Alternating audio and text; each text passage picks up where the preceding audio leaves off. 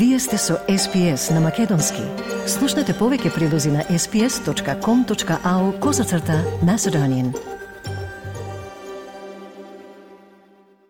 На SPS на Македонски, јас сум Ана Коталеска. Една од мерките што барем делумно ја облажуваат кризата поврзана со трошоците за живот е привременото намалување на акцизата за горивото. Но со оглед на тоа што тој договор набрзо ќе истече, австралиските возачи се подготвуваат за повисоки цени. Ви го пренесуваме прилогот за SPS News од Сунил Авасти и Райан Тейма.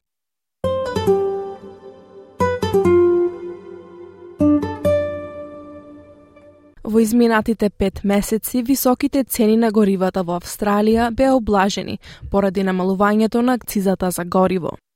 Вообичаената стапка на акцизата од 44,2 центи на литар беше намалена на 22,1 цент, а одлуката ја донесе предходната влада.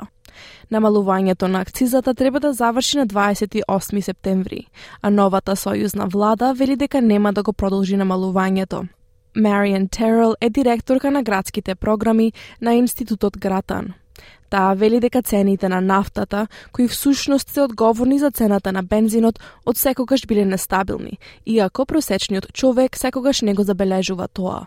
It's very difficult to predict. One of the things about um, the price of oil uh, is that it's very volatile. So we're noticing it a lot at the moment, um, but it's always quite a volatile thing. Сојузната влада вели дека акцизата за гориво досека чинела 3 милиарди долари и тоа е тоа што државниот буџет не може да го издржи. Кога станува збор за даноците, госпогица Терл вели дека акцизата за гориво има смисла. Таа објаснува дека бидејќи Австралија нема данок на јаглерот, акцизата функционира како данок, односно ги обесхрабрува луѓето да ги возат своите автомобили.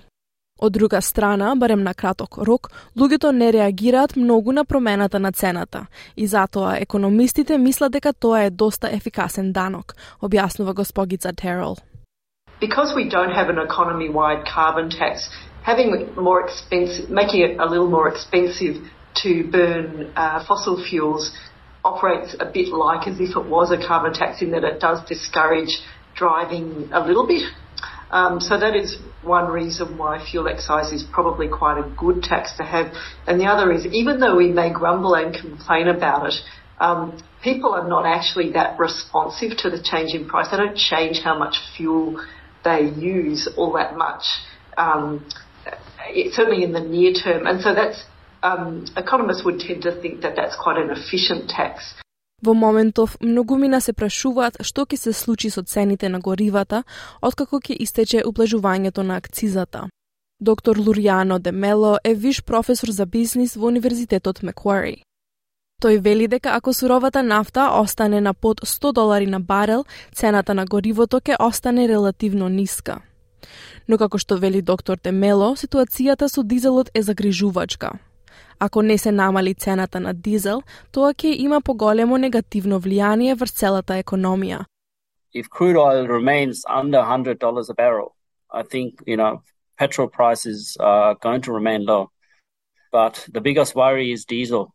Um, the price of diesel is, you know, around $2.20, $2.19, I mean, around $2.30 as well at some fuel stations. Um, so I think you know, to have a, a I guess, a benefit at the end of September, um, you know, if oil prices come down, but we also want the diesel price to come down as well, because, you know, we might pay less at the Bowser to fill up our cars, but a high diesel price is going to have far more sort of uh, damaging impacts on the economy Тоа е затоа што возилата на дизел играат голема улога во синџирите на снабдување, а повисоките трошоци за гориво се одразуваат врз повисоките цени за стоки и услуги. На подолг рок, доктор Демело вели дека има и добри и лоши вести. Тој вели дека Австралија увезува 90% од своето гориво, а иако владата се обидува да изгради терминали за складирање, земјата се уште нема голем капацитет за складирање кога горивото е ефтино. Но добро е што Австралија има избор во понудата и може да купува гориво од Сингапур, Малезија и Јужна Кореја, но и од Соединетите држави и понекогаш и Индија, вели доктор Демело.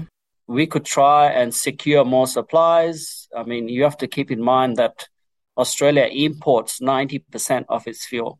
Right? It's it's it's trying to build these storage terminals and whatnot, or convert these old refineries in Australia into storage terminals, but we don't have that massive capacity, you know, to buy and store fuel when it's cheap. The good thing for Australia is it has a diversity of supply.